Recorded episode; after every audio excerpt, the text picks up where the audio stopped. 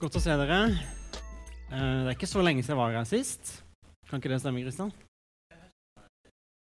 November, ja. Føles veldig lenge siden. Jeg heter fortsatt Johannes Vålandsmer og jobber i regionen, som, eh, som Kristian sa. Jobber også Jobber også eh, som tømrer ved siden av. Og når Kristian sendte meg mail om at Kan du komme her? Eh, det var ganske lenge siden du spurte. Eh, kan du komme her hvilken dato er det i dag? 14. mai og tale om underordning? Så tenkte jeg hva, hva galt har jeg gjort nå, Kristian?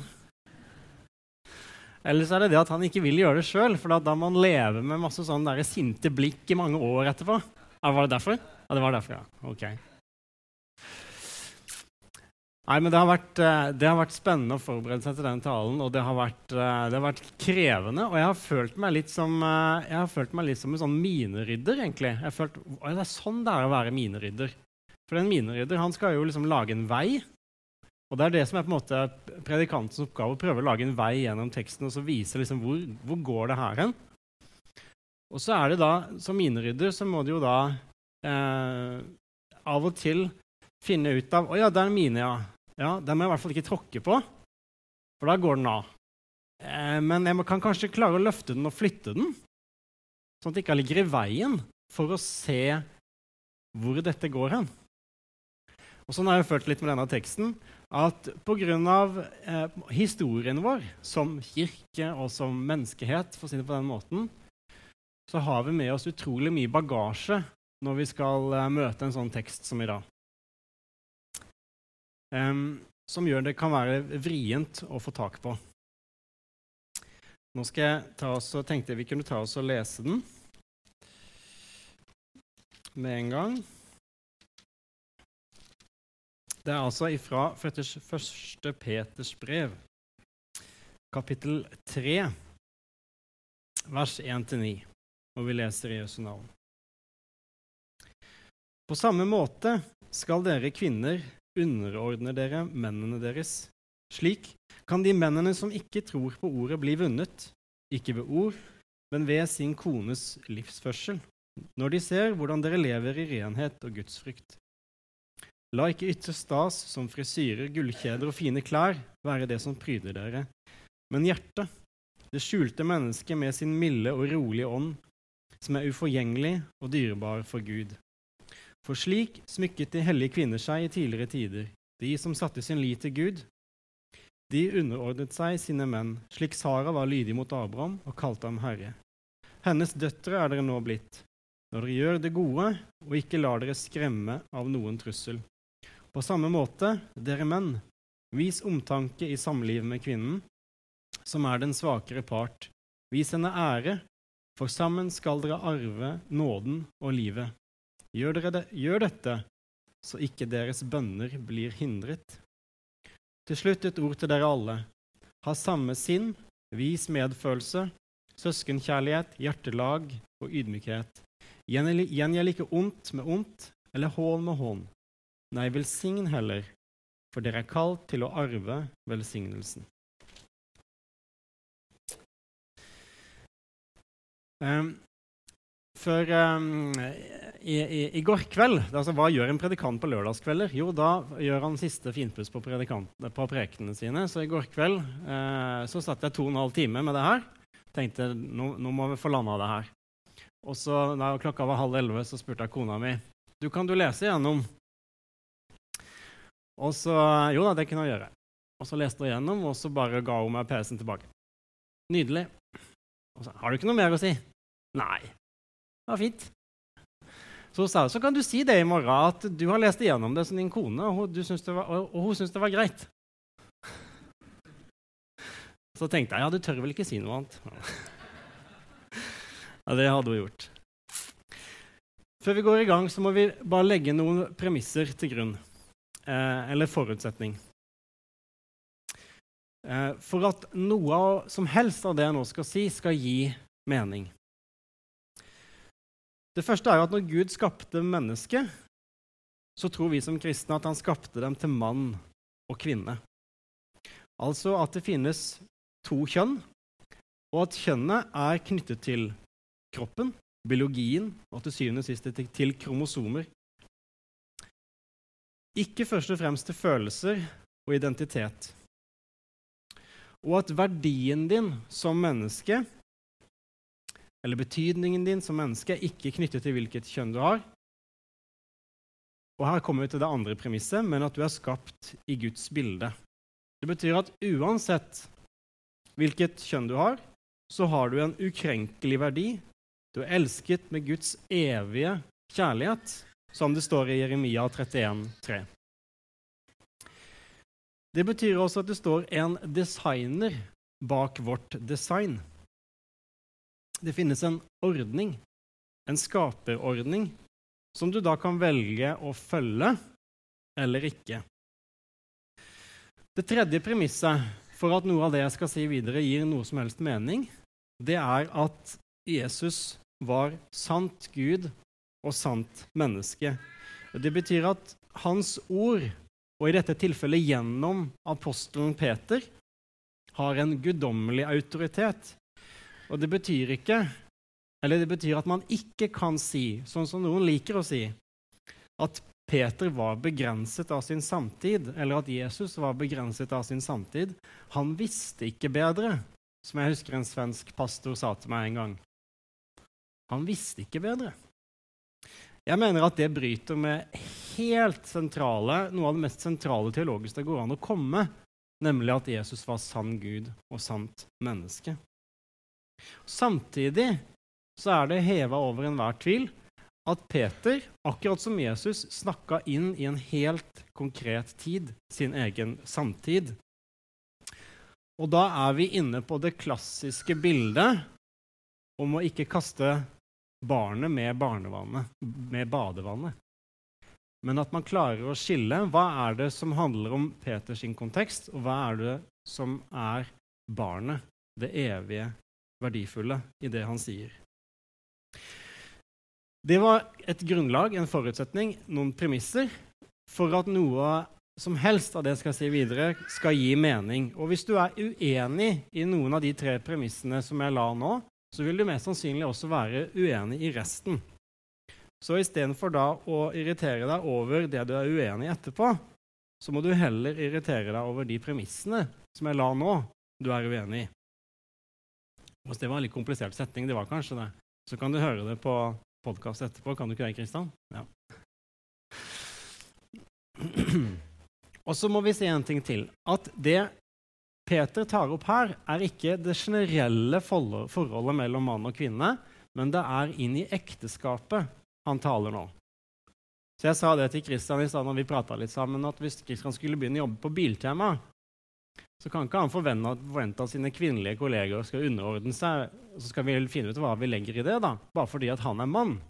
Nei, dere er kollegaer. Det Peter snakker om her, det er inn i ekteskapet. Og det siste jeg skal si før vi går i gang med selve teksten, det er at når jeg begynte med å jobbe med denne teksten, så kom jeg egentlig ikke lenger enn de to første versene.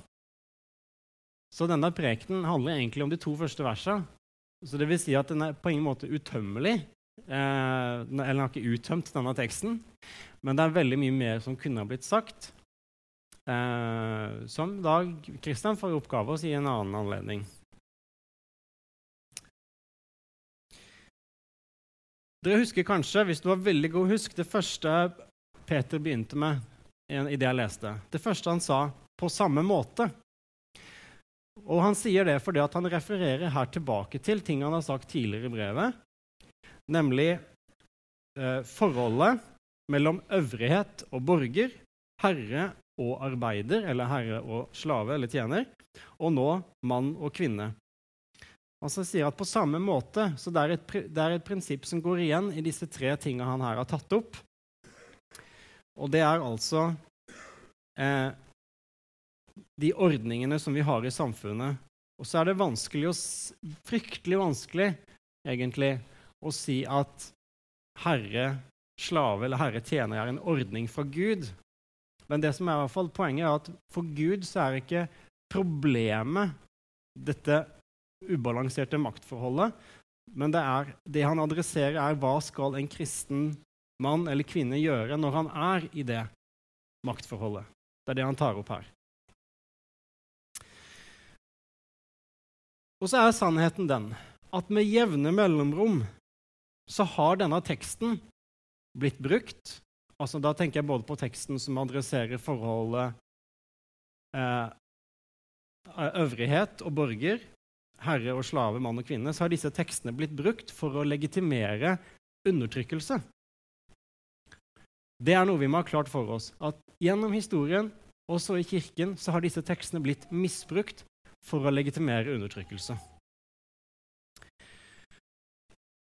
Som igjen gjør at vi da har fort for å tenke denne teksten er på ville veier.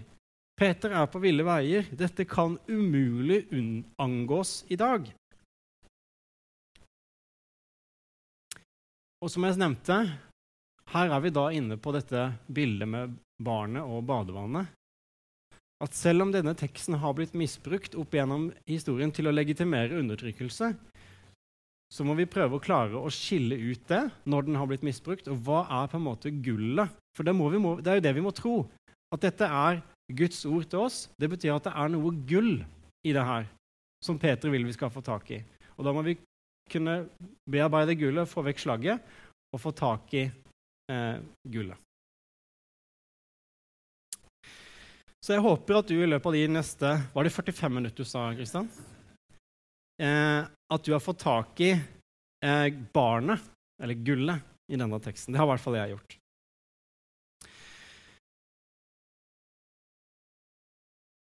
På samme måte skal dere kvinner underordne dere mennene deres. Det er den første setninga. Og nå skal vi stoppe opp med ordet 'underordne'.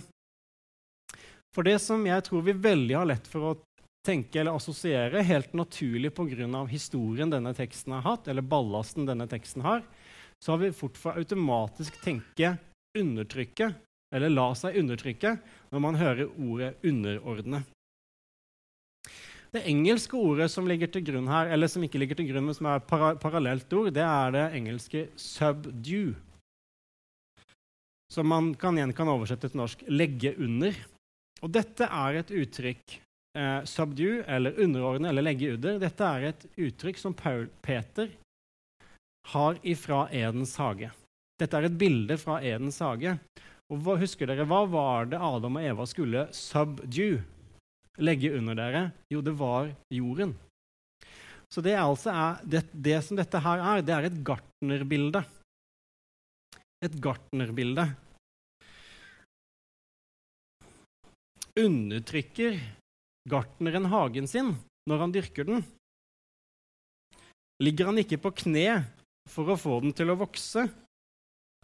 En god gartner, han lytter, han observerer for å kunne gjøre en god jobb. Jeg og kona mi vi bor ved siden av et gartneri. Og Det er fascinerende å se hvor mye arbeid det ligger i en gartner å få ting til å vokse, og vil vi si at det er et dekkende bilde å si at gartneren undertrykker hagen sin når han arbeider med den. Så når Paulus bruker her uttrykket 'underordne', så er det altså et, et bilde fra Edens hage, der mann og kvinne har et oppdrag i å forvalte, er et ord som vi ofte bruker istedenfor. Eller få hagen til å vokse og trives og blomstre. Ja, denne teksten har en parallell i Efeserne 5. Og Da bruker jo Paulus bildet om, der han sier at mannen er kvinnens hode. Og igjen så kan vi tenke oss undertrykker hodet kroppen? Ser kroppen på hodet som en undertrykkende rival når den gjør jobben sin? Nei, den gjør jo ikke det. Vi kan kanskje, Hvis vi skal prøve å si det med litt norske ord det, det, det, Peter sier her når han ber kvinnen om å underordne seg Hvis vi tar inn dette med gartnerbildet, så er det La dere lede, la dere blomstre, la dere, bæ, la dere bære frukt, hvis jeg kan si det på denne måten. Alternativet til denne ordningen det er et rike som er i strid med seg selv, og som Jesus sier at da kan det ikke bli stående. Og For å dra inn enda en ting som skal gjøre det lettere oss for å få tak i hva Peter sier her, det er at vi må huske det jødekristne synet på ekteskapet, som egentlig er vanvittig radikalt. Der det sies de er ikke lenger to, men ett. Og Det er derfor Paulus kan si i Efeserne 5 den som elsker sin kone, elsker seg selv. Fordi at de er ett. På samme måte som hodet og kroppen er ett, så er de nå ett. Og hvis det da er indre rivalisering, altså eh, ekteskapets svar på autoimmune sykdommer Jeg har forresten en, cøliaki, og det er ikke noe hyggelig. Kroppen angriper seg sjøl, og det blir bare mas og kjas, for å si det sånn. da. Det blir bare trøbbel. Det kan altså virke som at det Peter sier her, er at mannen har i ekteskapet fått en rolle knyttet til sitt kjønn. En gartnerrolle, en lederrolle. Og så kommer vi til det avgjørende. Om vi da tenker at det er en god eller dårlig ting at mannen har fått en gartnerrolle i ekteskapet, avhenger i veldig stor grad av vårt bilde av lederrollen. Ditt bilde av lederrollen bestemmer om du tenker det er en god ting at mannen har fått den rollen i ekteskapet. Og ditt bilde av den rollen, lederrollen, er med å bestemme hva du tenker praktisk dette har å si for hverdagen. Og Her kommer vi til noe som jeg tenker er superviktig at vi får med oss. Og det er at i dag, i 2023, selv om vi Det er lenge siden lenge siden kommunismen og marxismen herja ideologisk i den vestlige verden, så har vi i dag i den vestlige verden et bilde på ledelse, et bilde på makt og på maktposisjoner som er veldig prega av marxismen. Og hva var det Karl Marx lærte oss om de, de, maktene over oss. Hva var det han hadde å si? Jo, den som leder, leder ved å undertrykke. Den som har makt, misbruker den. De som har makt, binder, manipulerer og fører folk bak lyset. De som leder, gjør det ovenfra og ned. Det finnes ingen annen vei. Den som er over, leder, har makt, er mer verdt enn hopen som blir undertrykt. Og posisjonen din som menneske i dette hierarkiet bestemmer din verdi og status som menneske. Jeg vil tvile på at noen av dere har sittet en kveld og tenkt akkurat ja, sånn tenker jeg om ledelse. Det har nok ingen av dere gjort.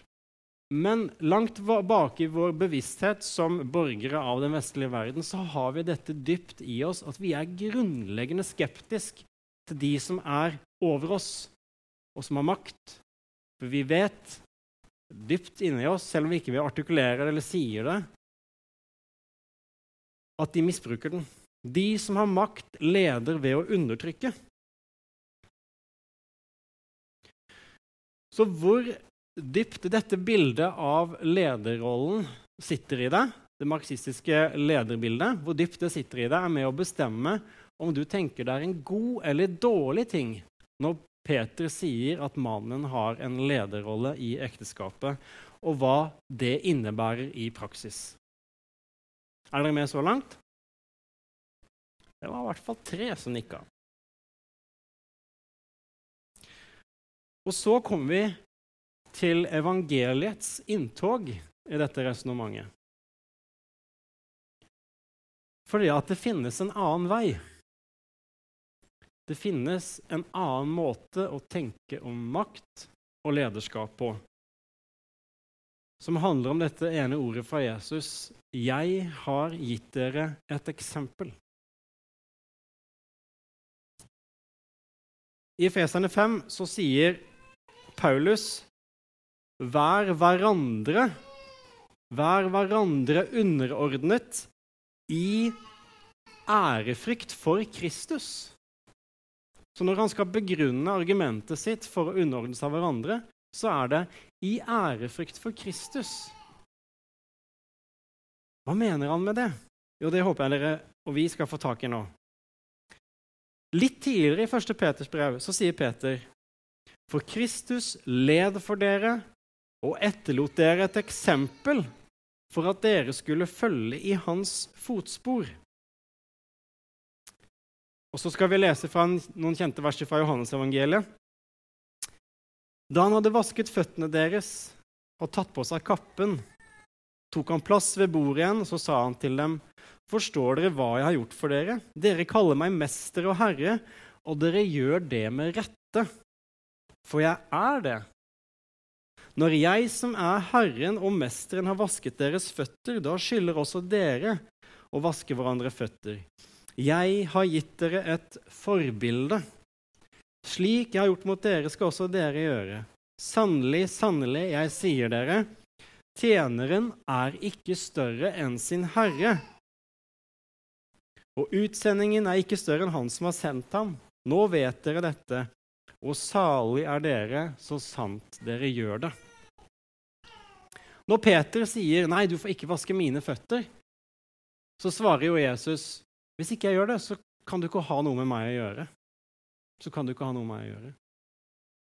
For det Jesus sier der, at hvis ikke du godtar at det er sånn vi leder i denne businessen Hvis ikke du godtar at det er sånn vi er herrer i denne businessen som heter Guds rike Hvis ikke du kan godta det, så kan du ikke ha noe med meg å gjøre. Det er ganske tøffe ord fra Jesus der.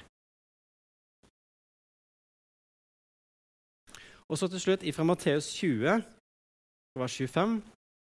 Men Jesus kalte dem til seg og sa, dere vet at folkenes fyrster undertrykker dem, og stormene deres styrer med hard hånd, men slik skal det ikke være blant dere. Den som vil bli stor blant dere, skal være tjeneren deres, og den som vil være først blant dere, skal være slavene deres.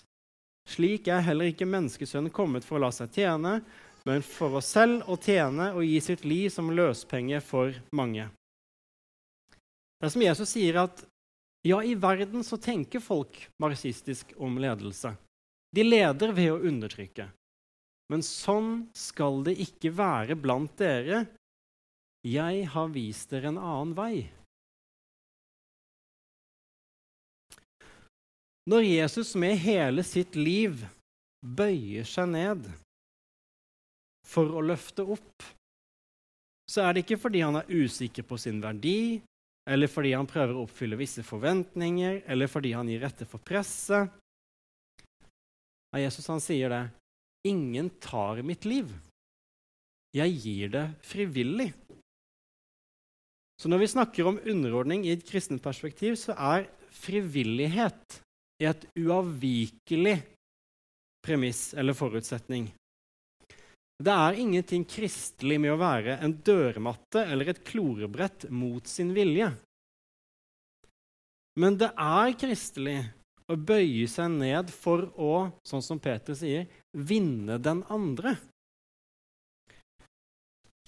Vi kan lett tenke det er den svake som bøyer seg ned. Men hvis man bøyer seg ned for å løfte opp den andre, da er man jo den sterke.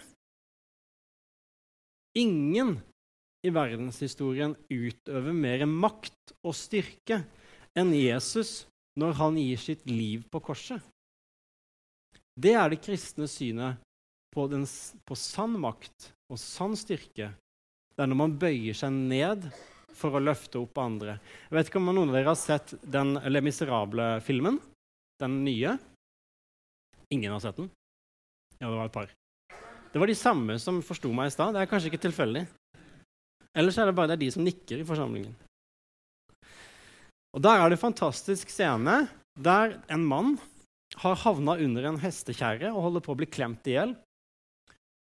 Og politikonstabelen, makten, den verdslige makten, står og kikker på.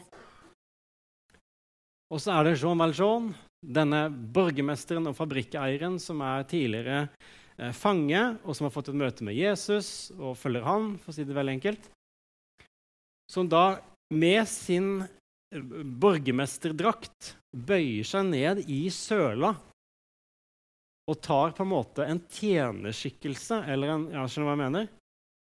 Og med sin styrke Og det er jo Hugh Jackman som spiller denne rollen, og han er jo en muskelbunt.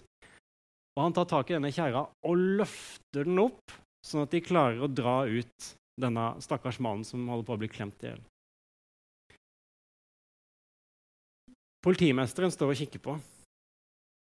Men han viser sin styrke ved å bøye seg ned for å løfte opp.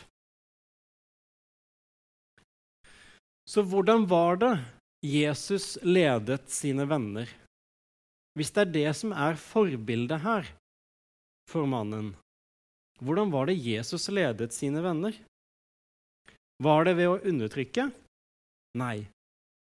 Men var Jesus passiv? Nei, han var ikke det heller. Var han kontrollerende? Nei, det var heller ikke Jesus. Men var han kanskje unnvikende? Nei, det var han heller ikke. Men lot han seg styre? Nei, han gjorde ikke heller det. Men han lot seg påvirke. Ja, det gjorde han. Men han lot seg ikke manipulere. Nei.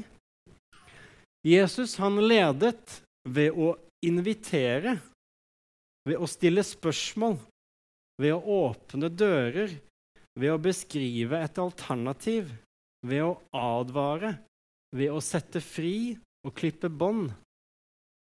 All form for tvang, kontroll og manipulasjon var alltid totalt fraværende. Hans ledelse var alltid gjennomsyra av kjærlighet og respekt. Og alle disse trådene som jeg på en måte kasta fram nå, de knytter Paulus sammen når han sier i Efeserne 5,25.: Dere menn, elsk konene deres slik Kristus elsket kirken og ga seg selv for den. Det er intet mindre som er forbildet for mannen i hans gartnerrolle i ekteskapet, enn Jesus som gir sitt liv for kirken.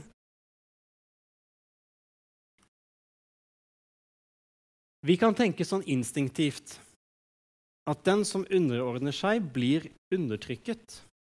Men de kristne synet på det er følgende Den som underordner seg, og da mener jeg frivillig, skal bli løftet opp og løfter opp. Begge deler. Den som seg underordner seg, blir løftet opp, eller skal bli løftet opp, og den løfter opp. Og Jeg skal forklare hva jeg mener med det. For det at den som underordner seg, den er med å løfte opp den man underordner. For man sier noe om verdien, respekten, gudsbildet som man ser i den andre personen. Det guddommelige oppdraget, rollen om å være Kristi eksempel. Og så blir man løfta opp, forhåpentligvis, av mannen. For mannens forbilde er jo Kristus. Og hva var hans oppgave? Jo, det var ved å bøye seg ned han løftet opp. Og den som bøyer seg ned, den blir også løftet opp da enten av mannen eller av Gud. For at den som bøyer seg i lydighet til Guds ord, er, gjør det først og fremst som en tilbedelseshandling til Gud. For ditt ord vil jeg følge. Poenget til Paulus og Peter her, i det jeg har prøvd å tegne nå, det er at det skal være en dynamikk. Ja, faktisk en guddommelig dynamikk i ekteskapet, for det har sitt forbilde i treenigheten. Og De gamle teologene de kalte det for eh, en guddommelig dans, the divine dance, som var i treenigheten og som ekteskapet er et bilde på. Og snakker, når, når, hvert fall når vi snakker om treenigheten, tror det er noen form for undertrykkende hierarki i treenigheten. Selv om det er en ordning, så er jo ikke den ene mer verdt enn den andre. Det blir helt meningsløst å snakke om. Men Paulus og Peter de prøver å tegne bildet at det skal være her en dynamikk, en guddommelig dans, eller guddommelig dynamikk, eh, om du vil, som handler om å bøye ned og løfte opp. Bøye ned og løfte opp. Og Peter han legger enda et element til i vers 2. Og hvis du så skulle ha en mann som ikke leder med Jesus som forbilde, så sier han så skal du likevel underordne deg for at han skal bli vunnet, ikke ved ord, men ved sin kones livsførsel, når de ser hvordan dere lever i renhet og gudsfrykt. Som jeg sa, som jeg nevnt tidligere, her er det veldig viktig å holde fast på at det er, ikke, at det er frivillig det er snakk om. Hvis du ufrivillig blir et klorebrett eller et eller annet sånt, så er det mer sånn Kom deg vekk. Men hvis du frivillig velger lidelsens vei for å gå den sammen med Kristus, da ser Gud din gjerning, og du skal virkelig ikke miste din lønn. For det som skjer da, det er det som Paulus beskriver i Romerne 12,20. Der sier han, og han siterer fra ordspråkene, er din fiende sulten, gi ham mat. Er han tørst, så gi ham noe å drikke. Gjør du det, samler du glødende kull på hans hode. La ikke det onde overvinne deg, men overvinn det onde med det gode.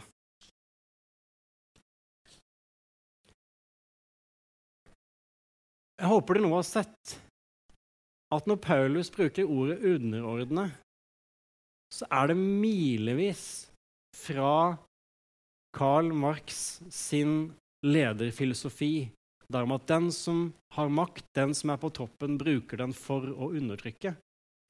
Men både Paulus og Peter tegner istedenfor et bilde der mannen bøyer seg for å løfte opp med Kristus som sitt forbilde, og der kvinnen bøyer seg for å løfte opp som, er, som et, en oppgave hun har fått i kraft av å være kvinne.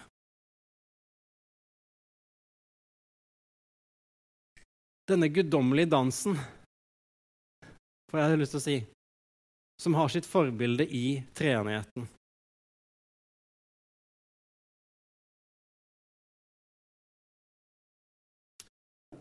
Hva skjer hvis vi forlater Guds skaperordning? Jo, da ligger alt til rette for rivalisering og kaos. Og helt sekulære, sekulære psykologer sier det at kjønnskategoriene er de mest fundamentale kategoriene i den menneskelige psyken. Begynner du å tukle med disse kategoriene og sier at nei, det er ingen forskjell Det er ingen forskjell. Så er det som en demning som brister. Hva kan da bli stående når du tukler med det mest fundamentale i den menneskelige psyken? Og resultatet, det blir forvirringens tidsalder. For hvis man godtar at det er faktisk forskjell på de to kjønnene, så blir det en logisk eh, videreføring der man sier at hvis de er forskjellige, så er det også naturlig å tenke at man kan gjøre forskjellige ting, for å si det veldig enkelt. Akkurat som at jeg har Som snekker så har jeg to forskjellige sirkelsager. Jeg har en på batteri, og så har jeg en som går på nettstrøm, og som du kan sette på en skinne.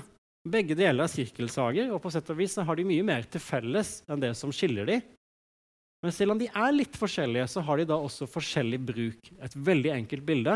Men det er hvis man først, først, godtar at det er to kjønn, at det er to forskjellige kjønn, og de er forskjellige, så blir det også naturlig å tenke eh, i forlengelsen av det. Vi skal gå mot en avslutning.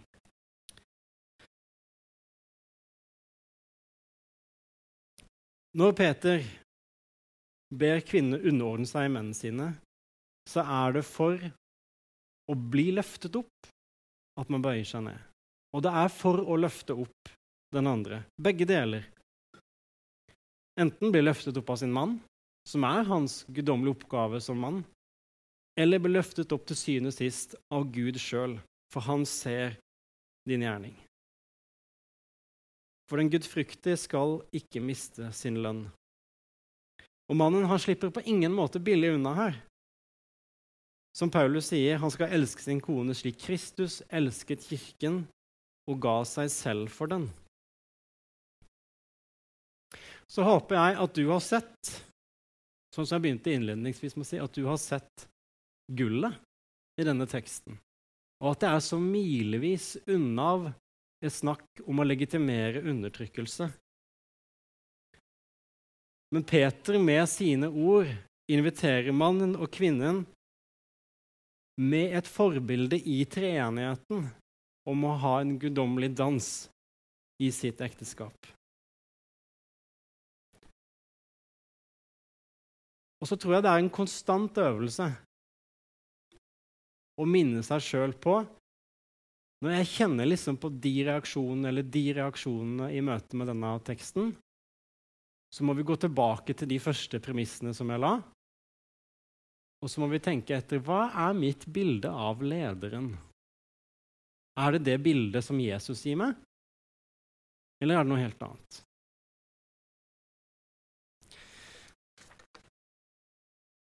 Og hvis eh, det ble kjempeprovosert nå, så ta det med Kristian eh, i ukene som kommer. Kjære Jesus, jeg takker deg for ditt ord. Og vi tror virkelig at selv om dette er 2000 år siden og kan virke litt rart, så tror vi at det er gull i det. Fordi det er ditt ord. Og nå ber vi Jesus om at uh, du ved Den hellige ånd skal la det som er fra deg, det som er sannhetens ord, få synke ned i hjertene våre og bære frukt. Rikelig frukt. Vi ber om det i ditt navn, Jesus. Amen.